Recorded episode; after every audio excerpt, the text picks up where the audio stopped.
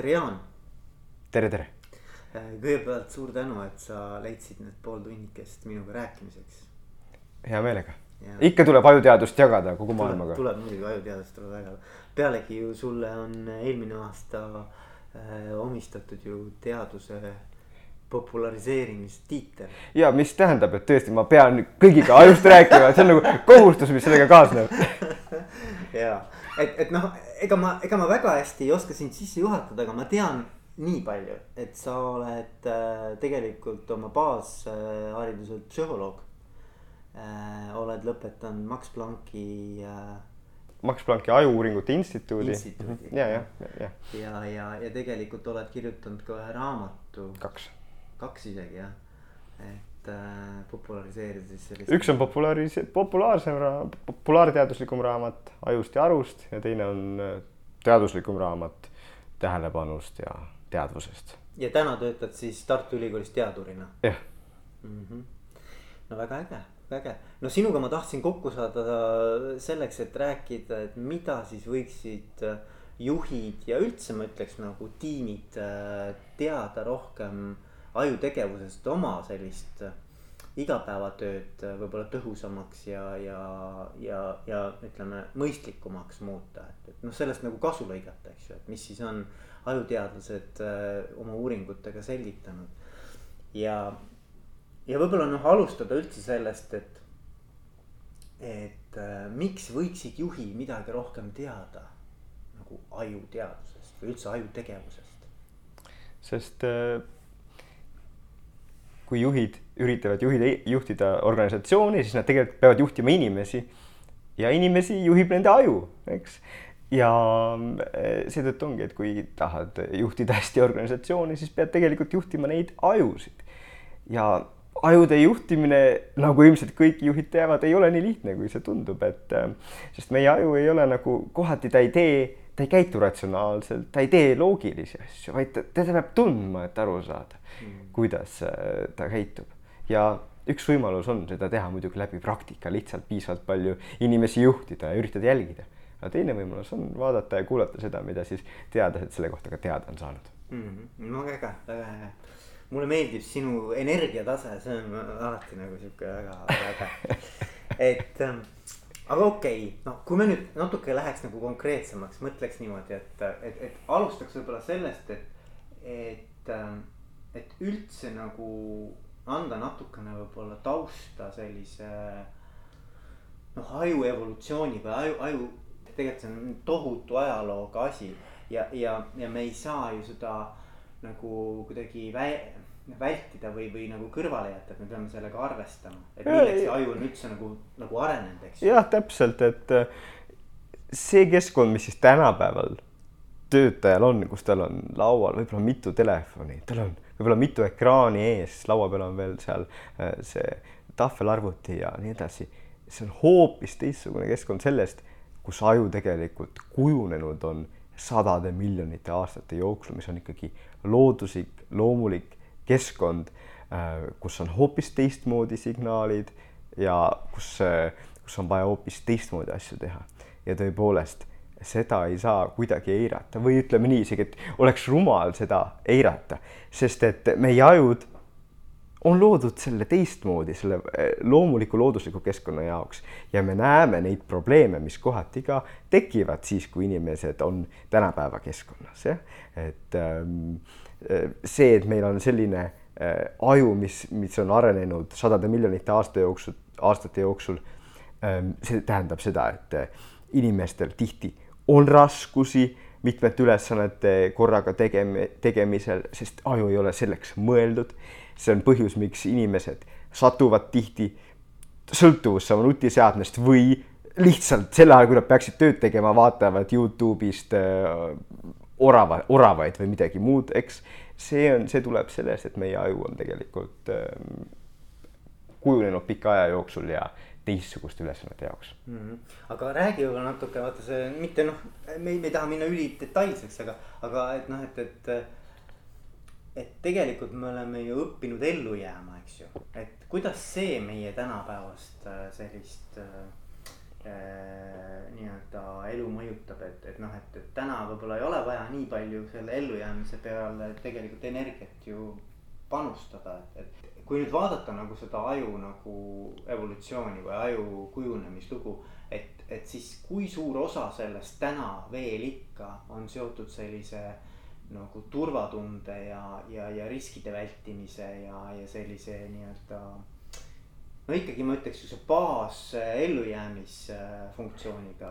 meie aju ei ole mõeldud mõtlemiseks, meie aju ei ole mõeldud mingite uute toodete loomiseks ja mõtte ja väljakujundamiseks. meie aju on tõesti eelkõige mõeldud selleks, et baasasjad saaksid rahuldatud ja et öö, see organism jääks ellu keerulistes tingimustes. Ja, ja see on see, mida sa iseenesest küsid lihtsalt teisipidi öeldes, et jah, meie aju, see, et nüüd mõtlemine on midagi olulist või et töötaja peaks midagi võib-olla välja mõtlema, see, see on. uusi lahendusi. ja see, see on, see on nagu äh, vii-, meie jaoks tähtis olnud viimaste sadade aastate jooksul ja isegi siis väga vähesele osale inimkonnast, nüüd üha rohkemalt, et inimesed peavad midagi uut välja mõtlema, nii on ju. ja muidugi ka evolutsioonis äh, on see, et vahel organismil on mingi uus olukord, mille ta peab lahendama.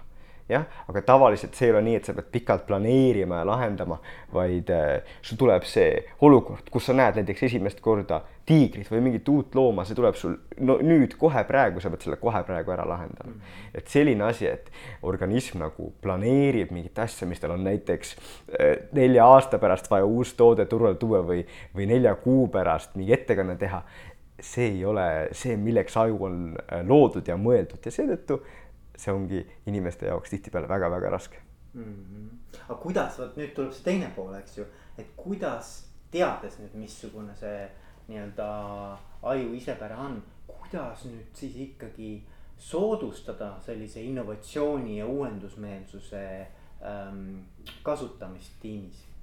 ja ma arvan, et üks asi, mis, mis tuleb otseselt sellest, mida ma just enne ütlesin, on see, et surve ei ole kunagi väga hea, et kui on äh, väga lähedal deadline'ile või on, on lihtsalt nagu väga tugev surve juhtide poolt mm., et see enamasti tegelikult ei aita loovusele kaasa, sest et siis on inimesel nagu see baas, see turvatunne või noh, et ta tunneb, et ta on kuidagi rünnaku all ja siis ta ei saa nii hästi mõelda loogiliselt siit juba järeldub, et esimene asi, mis on tarvis innovatsiooniks, on see, et sel, nendel mõtlevad, mõtlevatel töötajatel peab olema võimalus rahulikult äh, mõelda ja peab olema võimalus äh, lõõgastuda.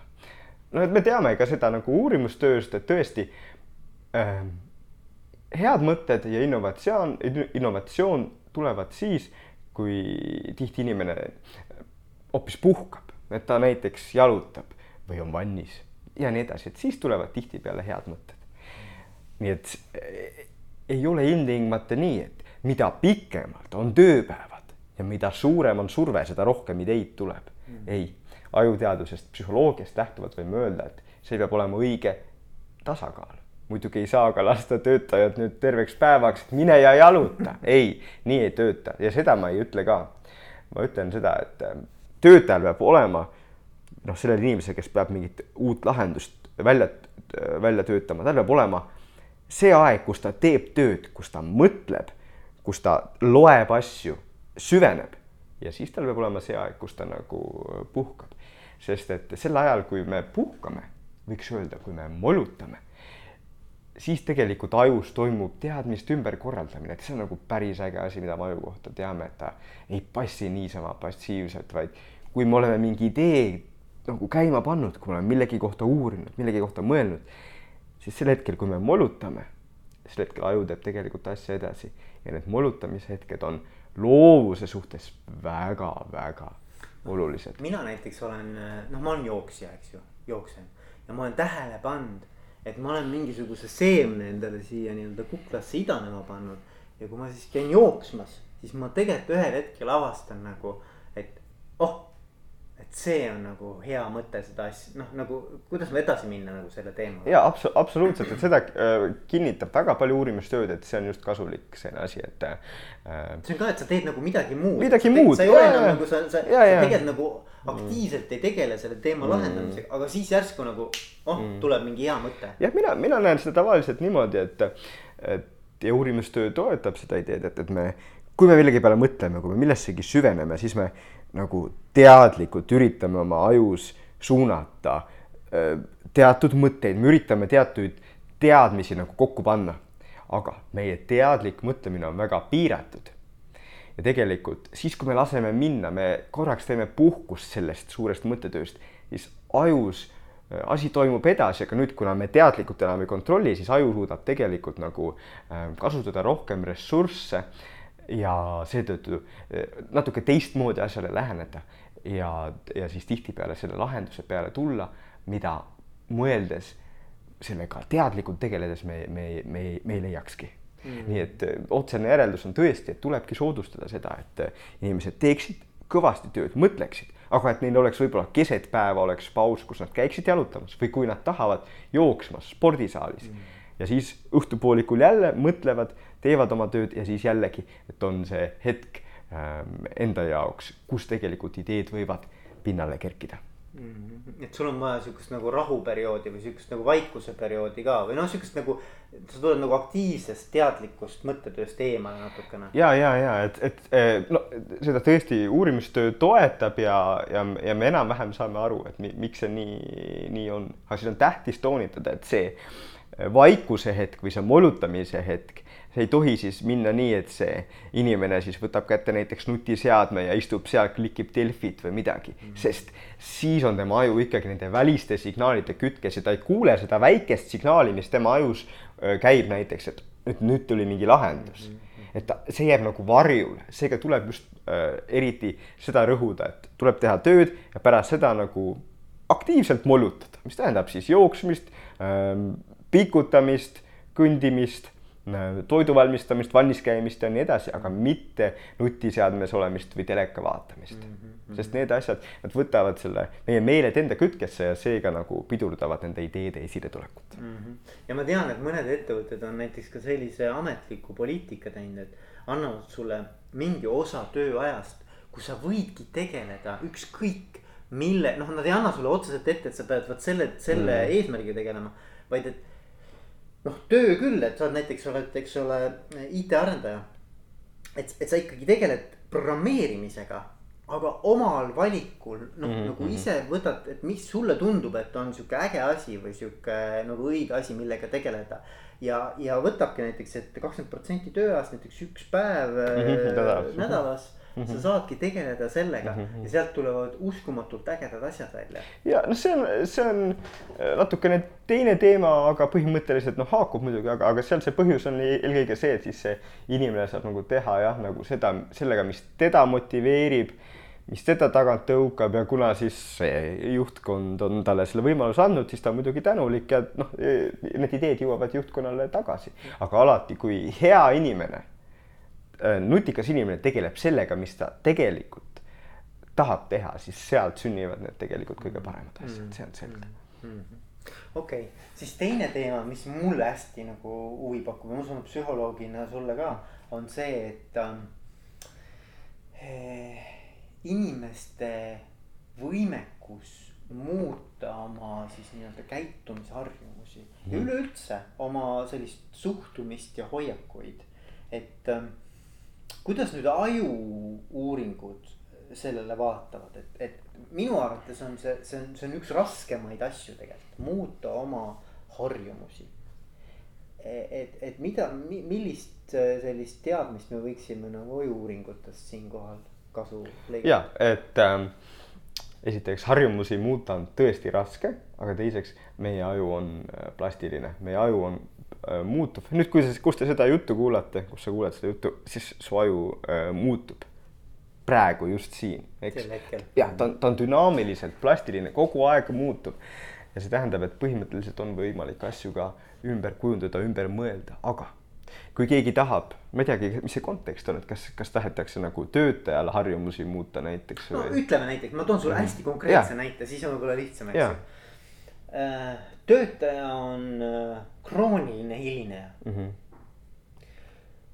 kuidas me suudaksime nüüd muuta selle inimese sellist, et tema jaoks muutub oluliseks õigel ajal kohale jõuda? See, see on ri- liiga raske, liiga raske pähkel, seda, seda, seda ei ole võimalik muuta. see, sellega võib, see on lootusetu, forget it see ei ole võimalik um,. noh, et ma, ma lootsin, tuleb mõni lihtsam okei, näide, okei, aga aga ma toon sulle, ma toon sulle järgmise ära nii raskelt enam tee. ei, ma nii raskelt ei tee, et äh, mis on juhtide näiteks üks suur probleem Mm. mm., käitumuslik probleem. on, nad ei kuula. Nad ennem kui sa jõuad ära lõpetada, nad juba vastavad, eks ole. Nad arvavad, nad teavad juba, mida, noh, et, et näiteks kuulamisoskus. mm. -hmm. ka raske või? E, see, selliste asjadega on nii, et äh, huvitav, kas sa ise oled ka märganud, et see on meeste ja naiste suht vahel erinev. meeste probleem on see, et nad äh, kipuvad tihti, nad tahavad nagu vestlust või brainstorming ut või ükskõik mida domineerida ja juhid on eriti tihti sellised, kes on sellised alfameil, nad tahavad domineerida. ja seetõttu ongi nendeni raske jõuda, sest see on nende menta- men,, mentaliteet, et nad, nemad ongi kõige targemad ja seetõttu nad oma asjas nii kaugele jõudnud, seetõttu ongi nad tippfirmade juhid. aga seetõttu ongi neid tihti palju, väga raske panna kuulama. aga nad oleksid veel edukamad, kui nad kuulaksid. tihtipeale jah, ja see on paradoksaalne, aga siin ongi see, siin ongi, tulebki välja see, et meie aju ei ole loodud selleks, et saada parimaks võimalikuks juhiks.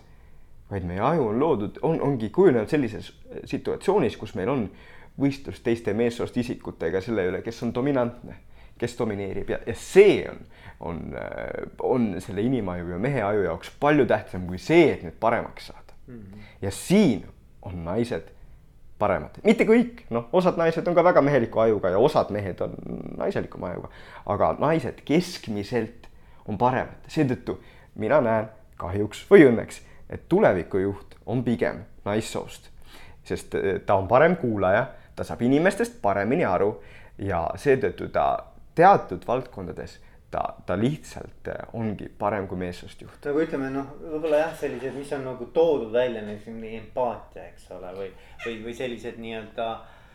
no ma ei oska öelda, emotsionaalne intelligentsus on võib-olla. nojah, võime seda sellise, sellise nime all nimetada, et noh, kõik saavad aru, mida me mõtleme ikkagi emotsionaalne intelligentsus nagu teaduslikult nagu ta väga suur selline noh, see, noh, see ei ole tähtis termin teaduslikult või noh, seda, seda, ei kasutata teaduskeeles, aga me kõik saame aru, mida see tähendab ja me kõik enam-vähem nõustume, et et naissoost isikud tihti nad tõesti saavad teisest inimesest paremini aru, nad nagu süvenevad paremini.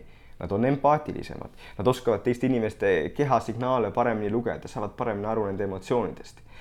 ja on näha, et, et tulevikus, mitte liiga kauges tulevikus, need omadused on juhil tähtsamad kui see, et ta suudaks nüüd äh, olla dominantne ja oma, oma ideid äh, kindlameelselt äh, läbi suruda mm. -hmm. Me tule, aga tuleme ikkagi. teeme, vist juht, jah, jah, juhtisime ju,, jõudsime nüüd väga-väga kaugele, väga olulisele teemale, aga. aga, aga just, et, et ikkagi no vali ise siis mingi näite. ja, ja et... ei, ühesõnaga üldine näide on see, et ma mõtlen, ma arvan, et kõige tüüpilisem asi, mida inimesed tahaksid muuta, on näiteks, et nad ütleme, et võtavad mingi saavad aru, kuidas tegelikult innovatsiooni toetada no,. aga siis nad näevad, et need inimesed seal, need töötajad, need tõesti viidavad pa palju aega Facebookis, lihtsalt guugeldavad ja nii edasi. sellises olukorras tasub kõige paremini võtta ähm, täitsa uued tööruumid. selles suhtes, et äh, inimest juhib tema halbade käitumismustriteni alati keskkond. ja kui on uus keskkond, siis on võimalik uuesti alustada ja uued asjad õpetada selgeks. aga kui me läheme sinna vanasse keskkonda, sinna oma vanasse, sinna töö, sinna, siis ehkki me oleme just võib-olla kuulnud loengut, inspireerivat loengut sellest, kuidas ajuteaduse valguses peaks paremini asju tegema, siis see keskkond, ta käivitab meie ajus automaatsed programmid, mis paneb meil vajutama sinna äh, Youtube'i peale ja nii. et tegelikult, kes tahab nagu asja nagu uuesti teha ja uuesti alustada, noh, võib seinu värvida ja kontorit ümber teha, aga noh, et, et võib nüüd seal uude kohta kolida ja sealt uuesti. et, et, et, et noh, sa tahad öelda seda, et see aju plastilisus on hästi palju seotud selle keskkondlike stiimulitega. ja, ja et see on näiteks see, miks noh, toome siis karmi näite, aga kõik saavad aru, mida ma mõtlen ja ma toon selle seose ka, et narkomaanid või ükskõik inimesed, kes on sõltuvuses alkoholist või nii, äh, kui nad lähevad siis sinna võõrutusele, nad on kuskil äh, võõrutuskohas mingis asutuses, siis nad suudavad väga hästi sellest alkoholist või narkootikumidest eemal olla. aga nii kui nad lähevad tagasi koju oma samma keskkonda, siis tuleb täpselt sama probleem. sellepärast, et see keskkond, see kontekst Äh, tuletab meelde ajule kõik need asjad, et kus need pudelid on ja mis ja nii, et noh, et see, see on lihtsalt see keskkonna mõju. see on siis sihuke kehamälu nagu. no jah, tegelikult on see ajus ikkagi, sest aju meil sõltub väga palju keskkonnast ja nii on samamoodi on töötajal, et kui ta on harjunud mm -hmm. seal arvuti taga mm -hmm. vajutama neid orava videosid, siis ta teeb seda edasi mm. -hmm ja, ja, ja seda on väga raske võita, sest just ajus on see, see kontekst on nii, nii tugev ja seal aitaks see, kui on see ümber panna teise kontorisse ja, ja nii edasi mm. -hmm. aga no mõtleme näiteks seda, et, et ähm, kui me võtame näiteks tippsportlased, eks ole. siis ma olen alati olnud nagu täiesti hämmingus, kuidas nad suudavad nagu endale ikkagi järgmist standardit nagu noh, et, et nad võtavad veel kõrgem, noh, et, et kuidas mm. sa nagu sunnid või oskad nagu seada endale veel kõrgema lati või et, et nagu see. et sa tahaksid, et, et töötajal oleks ja, sama. ja, et mm. töötaja mm. ütleb ka, et vot ma ei ole selle tulemusega ikkagi rahul, ma tahan järgmist. et kust see tuleb nagu, kas, kas see on ka kuidagi nagu. on, asi on selles, miks, miks see spordis on äh, väga iseenesest lihtne on see, et sul on lihtne mõõta paremat tulemust. sa jooksed, kui sa jooksed kiiremini, siis sa näed seda. ma jooksin nüüd kiiremini ja sul on lihtne järgmine eesmärk. ma ju tahan veel sellest, sellest ajast veel kiiremini joosta mm -hmm.. samamoodi kuulitõukega, ma tahan veel kaugemale tõugata, ühesõnaga eesmärki on väga lihtne mõõta. samas kui ütleme isegi looval tööl noh, teed selle ettekande ja siis juht noogutab ja see on okei okay,, oli see nüüd hea või kuhu suunas ma peaksin minema. ja, ja teine on see, et äh, isegi ütleme, et ütleme, et juht ütleb, et see on, vot see on tõesti väga hea, seda sa tegid tõesti väga hästi. nüüd mõtle edasi, siis on see, et okei okay,, et kuhu ma seda peaksin edasi mõtlema, et seal on see probleem, et ei ole, seda ei saa mõõta, seda tulemust ja see tähendab see, et et, et, et, et on raske endale seada seda järgmist täpset eesmärki, samas kui spordis on see väga lihtne. ehk sa tahad öelda, et see tagasiside on nii oluline nagu äh, ta? tagasiside on õppimise jaoks kõige tähtsam mm. selle juurde võime tagasi tulla tõesti, et see on see, mis aitab inimestel paremaks saada. seetõttu spordis on lihtne paremaks saada mm., seetõttu näiteks loovas töös on raske tagasi, raske paremaks saada kuule, aga siit, kas ei või nagu noh, järeldust teha, et juhtide üks olulisemaid ülesandeid on tegelikult tagasisidet anda. ja täpselt seda ma siia tahtsingi jõuda, et, et tegelikult on, äh, on, on kõige tähtsam asi, kui te tahate, et teie firma, suur või väike või ükskõik mis organisatsioon paremaks muutuks, siis teil peab olema see, et läbi selle hierarhia on tagasiside. et kui see kõige alumine töötaja, ta teeb midagi hästi, et siis talle öeldakse ega see suur juht ei pea talle ütlema, aga võib see järgmise taseme juht öelda ütleb täpselt, mida hästi tegi ja et mida võiks paremini teha mm. aga ala, alg-, alustab sellest, et mida hästi tegi ja siis, et mida võiks paremini teha. sest muidu see inimene, kes istub seal, noh, ta ei tea, kuhu suunas minna mm. ta ei näe seda ja see peaks olema läbi hierarhia, see on väga tähtis. et, et, et, et juhid ka nagu öö, oma lähimatel alluvatel, aga ka kaugematel nagu nad, et nad, et nad suudavad sinna juurde minna ja öelda, et vot seda sa tegid hästi. ja siis esitada viisakalt ka need asjad, mida võiks veel paremini teha. Mm.. ja mulle tundub natukene, et eestlasel on see natukene kohati nagu, et eestlane ei tee seda tagasisidet väga palju. aga siinkohal võib öelda, et tulenevalt ajuteadusest ja psühholoogiateadusest me teame, et niipea kui hakatakse andma tagasisidet ja õppimine toimub tagasiside teel, siis see toimub palju kiiremini.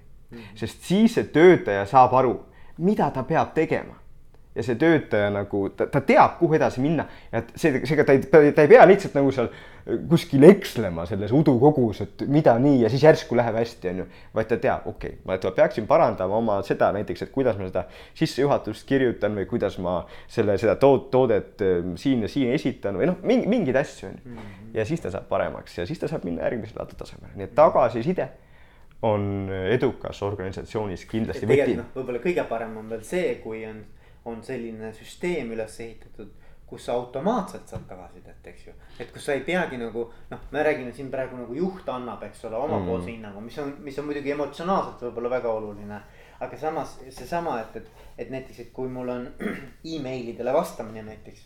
et ma tean, et ma olen päeva lõpuks nii palju ära teinud, on ju et tegelikult see on nagu väga-väga hea, eks ju. ja, ja et selles suhtes edukad inimesed tihti nad erinevadki teistest inimestest lihtsalt seetõttu, et nad suudavad endale ise eesmärke panna ja siis neid eesmärke täita. ja siis, kui sa eesmärgi oled täitnud, no siis sa teadki, et sa oled selle asja hästi teinud. ja tegelikult edukad inimesed on veel need, kes nad suudavad ise analüüsida, ise aru saada paremini, et ähm, mida ma valesti tegin või mida ma halvasti tegin. aga see on selline nõiaring, et kuidagi peab inimene saama sinna ütleme nii, mingist tasemest kõrgemale, et siis ta saab hakata iseendale nagu tagasisidet andma. aga ta tuleb sinna kõigepealt aidata. aga kui ta suudab hakata endale ise tagasisidet andma, siis ta saab järjest paremaks. aga see on juba niisugune teadlikkuse teema, eks ju. Endast, ise, sa suudad nagu no. nojah, aga ma. Endast tuleb vaadata no ma, ma ei tea, kas ma, ma ei nimetaks seda vist teadlikkuseks, et see on nagu tänapäeval selline natukene liiga ülekasutatud sõna, et mina ütleks selle kohta sihikindel treening et sa nagu suudad endale ise seada eesmärgid, siis aru saada, milles, milles viga on. ja siis äh, üritada seda paremaks teha, aga siiski mainime siin, et see on raskem. lihtsam on ja seetõttu on ka tippsportlastel ikkagi treenerid, kes suudavad kõrvalt vaadata, et igas asjas on ikkagi lihtsam, kui keegi tegelikult kõrvalt ütleb. Aga see on muidugi raske, eriti raske on see nendel töökohtadel, kus ei ole seda vahetut tagasisidet võimalik, noh, kus on, ongi mingi näiteks Äh, tipptasemel toodete äh, loojad, kes uusi asju teevad. Neil on väga raske nagu noh, sest et sa saad anda selle tagasisidet selle, selle asja kohta, et mi, mis seal veel paremini võiks olla. aga kui ta on oma ala tipus, siis mitte keegi maailmas ei suuda talle öelda, et kuidas ta seda paremaks peaks tegema, eks mm. -hmm. saab öelda, mis on halvasti, aga et kuidas ta veel paremaks teha, nii et noh, see on selline keerukas teema, aga üldiselt, üldiselt kehtib see, et nagu spordis ka igas organisatsioonis tagasiside aitab inimestel paremaks saada ja aitab. ja tagasiside on kõige tõhusam viis paremaks saamiseks mm. -hmm. ja seda ka siis ajuuuringute seisukohalt, eks ole. et, see ongi, et, et see on nende uute nii-öelda ähm, äh, nende, nende nii-öelda ühenduste loomine, eks et kui no, me räägime. jah, seda võib nii võtta, aga, aga ma ütlen, ma arvan, et noh jah, võib võtta uute ühenduste loomisena, aga eelkõige ka selleni, et tõesti, et, et tihti inimesel on nagu raske hinnata seda, et eri esiteks, mis ta valesti tegi. ja teiseks, et mida ja kuidas paremini teha, aga kui inimene, kes on juba selles olukorras olnud, kes teab seda asja paremini, ütleb talle seda, siis tegelikult see esimene töötaja, see, kes muidu oleks raskustes, ta nagu, ta suudab nagu samastuda nende eesmärkidega, mida talle nüüd öeldakse, et väljast see, kes tagasisidet annab, annab nagu sellele ajule eesmärgid, mille poole siis püüelda. mul, mul kaks mõtet tekkisid siit kohe, üks tekkis see, et kas sa tead ka kindlasti seda tehnikat, visualiseerimise tehnika mm., kasutatakse seda, et no hästi paljud sportlased kasutavad seda, et nagu, et nad nagu mõttes käivad mm -hmm. sellesama nii-öelda soorituse endal läbi nagu tu-, ma ei tea, kas tuhandeid, sadu kordi nagu ja see mõnes mõttes, ega siis keha vist ei tee mingit vahet, kas ta nüüd on sul mõttes läbi käidud. või, või sa päriselt teed selle läbi, et, et mis sa see, kas, kas noh, kas, kas sa oled nagu sellega kokku puutunud, kas sa oskad öelda, et on see nagu asi, mida võiks nagu tegelikult ka ettevõttes ja organisatsioonis kasutada, inimene, kes tahab eduks saada, et ta nagu kuidagimoodi visualiseerib seda, mida ta siis nüüd tegema peab, ma ei tea, lähed esinema näiteks et sa visualiseerid endale, et vot, et ma. nojah, aga, aga selles suhtes, et äh, eks ka sportlaste puhul on tihti kõige tõu-, kõige tõhusam on ikka see, kui sa selle asja nagu veel mitte ei visualiseeri, vaid päriselt ära teed. et praktikas teed, noh, sportlastel lihtsalt ongi, et sa, kui sa oled sealt väljakult eemal, on ju, no siis sa ei saa, kui sa oled rongis, sa ei saa. ja samamoodi muidugi on ka äh, igal alal, et kui te näiteks ettekannet ette valmistate, et kõige parem on, kui te seda läbi harjutate kodus aga kui te olete rongis ja inimesed vaataksid imelikult, noh, võib-olla nad tahavad kuulata, aga kui nad ei taha kuulata, siis muidugi võib seda ka läbi mõelda ja muidugi on sellest sama palju kasu. aga noh, tihtipeale ikkagi, et kui on võimalik nagu töökohal seda asja nagu praktiliselt ja hästi teha, et siis ilmtingimata see visualiseerimine ei ole nagu vajalik, aga ähm, jah, kes, kes, kes on nagu oma sellisel jõude ajal, jõude hetkel kuskil ähm, rongis, bussis või mujal sellises kohas, siis ja ta ei saa praktiliselt seda asja teha, siis on muidugi visualiseerimine palju parem.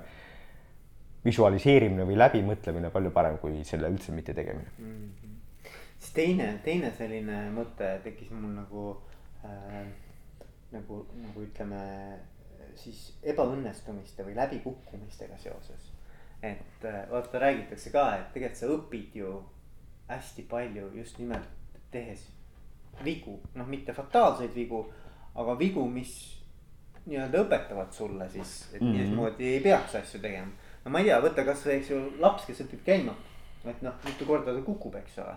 et, et, et samamoodi, et kas, kuidas sellesse suhtuda, et, et sa teed ka oma töös vigu ja, ja, ja mõnes mõttes, et sa ei karda neid vigu teha et, et sa nagu võtad kalkuleeritud riske selleks, et, et, et saada paremaks, aga et noh, et, et võib igal, igal juhul olla ka nagu läbikukkumisi. ja eks läbikukkumised käivad igal juhul inimese elu juurde igas valdkonnas. ja kindlasti juhtide roll on nagu öelda ja lubada seda oma töötajatele, et, et jah, et seda ei pea kartma otseselt aga teine asi on see, et, noh, et ei pea laskma inimesel vigadest õppida ilmtingimata. Selles suhtes, et ei pea laskma tal nii kaua vigu teha, kuni ta õige asja peale tuleb, vaid kui ta teeb korra vea, teeb kaks korda vea, siis võib see juht või kõrgem töötaja inimesele selgitada, andagi seda tagasisidet, et miks see viga tuli ja öelda, kuidas paremini. sest noh, paljudest tuhandetest katsetest me teame muidugi, et rotid ja ka inimesed, nad suudavad õppida lihtsalt tehes vigu, kui nad pihta saavad, aga nad õpivad palju kiiremini kui neile see info kuidagi ette anda ja organisatsioonis me muidugi tahame, et asi võimalikult kiiresti liiguks, mitte et kõik õpiksid eh, vigadest ja noh, et see läheb, võtaks tohutut aega mm. -hmm. jah, nii et seal peab olema see õige tasakaal. vigu peab lubama teha, aga vigadele tuleb anda siis tagasisidet ja selgitada, mis läks valesti. ja, ja lihtsalt, et, et mõnikord on kogu tegevus on pärsitud tänu sellele, et sa kardad ja, ja, ja ei jah, et see käib asja juurde, noh, seda kõik ju teavad, et ikkagi, et, et, et viga, vigu, vead käivad asja juurde, aga seda tuleb kindlasti nagu toonitada ja ka inimesteni viia, et vead on okei okay. mm. -hmm. aga kui, kui, kui tuleb viga, siis tule räägime sellest asjast, üritame aru saada, kus see viga oli ja noh, et siis läheb kiiremini lihtsalt mm -hmm.. okei okay., mis on midagi, mida ma ei oska küsida või ei ole küsinud, mis, mis sa nagu ise nagu tahaksid juhtidele võib-olla nagu südamele panna, et, et, et mida nad võiksid äh, oma töös nagu just nimelt nagu aju seisukohalt nagu tähele panna ja, ja, ja arvesse võtta. ja võib-olla viimane kõige suurem, mitte kõige suurem, aga üks nendest suurtest asjadest on see, et tänapäeval pannakse palju rõhku sellisele brainstorming ule ja avatud kontorile ja et inimesed suhtlevad ja räägivad. aga tegelikult see ei ole nagu ilmtingimata edu alus. et edu alus on ikkagi see, kui see töötaja, ta saab nagu üksi ja rahulikult mõelda oma probleemi üle, kui ta saab lugeda ja süveneda omaette sellises ruumis, kus teda ilmtingimata keegi ei sega. see peab olema kombineeritud sellega, et on diskussioonid ja on brainstorming'u sessioonid, aga see brainstorming ei saa olla töö, sest Eh, originaalsed ideed ei sünni sellest, kui inimesed lihtsalt eh, laterdavad. ideed sünnivad siis, kui tulevad kokku inimesed, kellel on head teadmised, kes on mõelnud asja üle ja siis nad vahetavad ideid. ja sellel brainstorming ul on tähtis jällegi, et ei lastaks mehi domineerida, sest mm. mehed kipuvad nagu võitlema oma ideede eest. Aga sa tahad just, et see brainstorming oleks selline, et loobitakse ideid ja et kõik saaksid selle üle järele mõelda ja siis pärast mõelda, et okei okay,, tegelikult see oli päris see, mis see teine mees ütles, oli päris hea. aga tihti jah, meessoost isikutel kipub see nii minema, et nad hakkavad, tahavad väga seda sessiooni domineerida ja siis sellest ei ole, tegelikult ei ole sellest siis mitte mingit kasu mm.. siis on see lihtsalt aja raiskamine. et kui teie organisatsioonis kipub olema see sessioon nii, et keegi seal domineerib, siis äh, põhimõtteliselt teate, et see on nagu, sellest ei ole mitte mingit kasu teie organisatsioonile et tuleb leida see õige tasakaal eelkõige selle vahel, et kui kaua inimene peaks nagu omaette mõtlema ja kui tihti need brainstorming'u sessioonid peaks olema ja teiselt, teisest küljest siis selle vahel, et kuidas see brainstorming'u sessioon toimub, aga, aga üldiselt jah äh,. Äh, lihtne juhtnöör on võib-olla see või mõte on see, et tuleb kokku tuua targad inimesed, kes on juba piisavalt kodutööd teinud ja siis vaadata, et nad kõik saaksid natukene ideid põrgatada ja sealt sünnivad tegelikult siis need kõige paremad ideed mm. -hmm võib-olla üks asi, mis mul veel tuli meelde, mida tahaks sinuga arutada, on, et eh, selline nagu ütleme siis nagu tasustamine või motivatsiooni pool ja, ja siis ähm, võimekus nagu olla loov või võimekus uusi lahendusi leida. et, et, et kuidas sina näed nagu, et, et ega siis väline selline motivatsioon, materiaalne motivatsioon, ega see ju sind loovamaks ei tee või teeb? tihti isegi ähm, on asi hullem, et kui väga palju nagu premeerida mingite ideede ja tegevuse eest, et siis tegelikult äh, seda enam ei tehta nii hea meelega. Et see sisemine motivatsioon langeb, sest antakse välilist motivatsiooni. et laste puhul ka näeme seda, et kui keegi tahab nagu lapsest tõesti, et ta hästi hakkaks laulma või pilli mängima, siis ei tasu talle seda kogu aeg seda siis nagu premeerida seda, et nii tublisti mängid ja siis veel osta talle midagi. siis laps, noh, see sisemine motivatsioon kaob ja sama on töötajaga.